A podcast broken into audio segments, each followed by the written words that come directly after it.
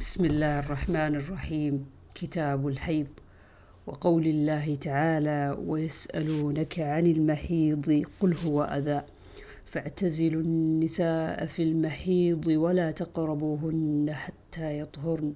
فإذا تطهرن فأتوهن من حيث أمركم الله. إن الله يحب التوابين ويحب المتطهرين. باب كيف كان بدء الحيض؟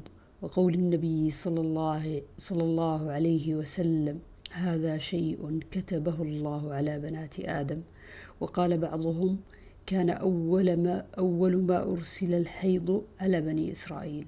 قال أبو عبد الله وحديث النبي صلى الله عليه وسلم أكثر. باب الأمر بالنفساء إذا نفسن. عن عائشة رضي الله عنها قالت خرجنا لا نرى إلا الحج فلما كنا بسرف حضت.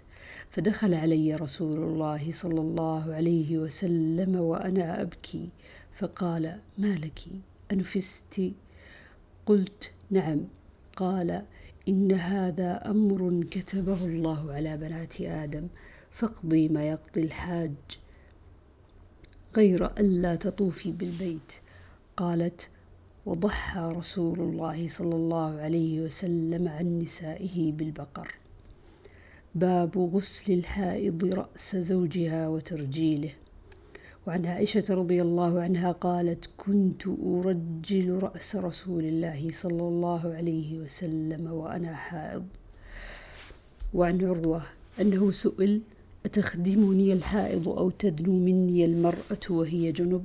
فقال كل ذلك علي هين وكل ذلك تخدمني وليس على أحد في ذلك بأس. أخبرتني عائشة أنها كانت ترجل رسول الله صلى الله عليه وسلم وهي حائض ورسول الله صلى الله عليه وسلم حينئذ مجاور في المسجد يدني لها رأسه وهي في حجرتها فترجله وهو حائض وهي حائض. باب قراءة الرجل في حجر امرأته وهي حائض. وكان أبو وائل يرسل خادمه وهي حائض إلى أبي رزين لتأتيه بالمصحف فتمسكه بعلاقته.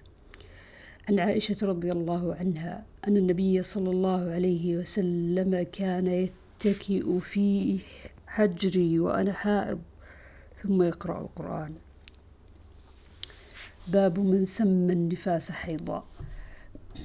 عن أم سلمة رضي الله عنها قالت بين أنا مع النبي صلى الله عليه وسلم مضطجعة في خميصة إذ حضت فانسللت فأخذت ثياب حيضتي فقال أنفست قلت نعم فدعاني فاضطجعت معه في الخميلة. باب مباشرة الحائض. عن عائشة رضي الله عنها قالت كنت أغتسل أنا والنبي صلى الله عليه وسلم من إناء واحد كلانا جنب.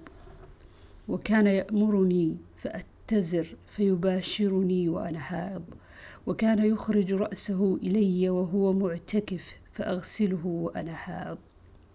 وعنها رضي الله عنها قالت كانت إحدانا إذا كانت حائضا فأراد رسول الله صلى الله عليه وسلم أن يباشرها أمرها أن تتزر في فور حيضتها ثم يباشرها. قالت وأيكم يملك إربه؟ كما كان النبي صلى الله عليه وسلم يملك إربه. وعن ميمونة رضي الله عنها قالت كان رسول الله صلى الله عليه وسلم إذا أراد أن يباشر امرأة من نسائه أمرها فاتزرت وهي حائض.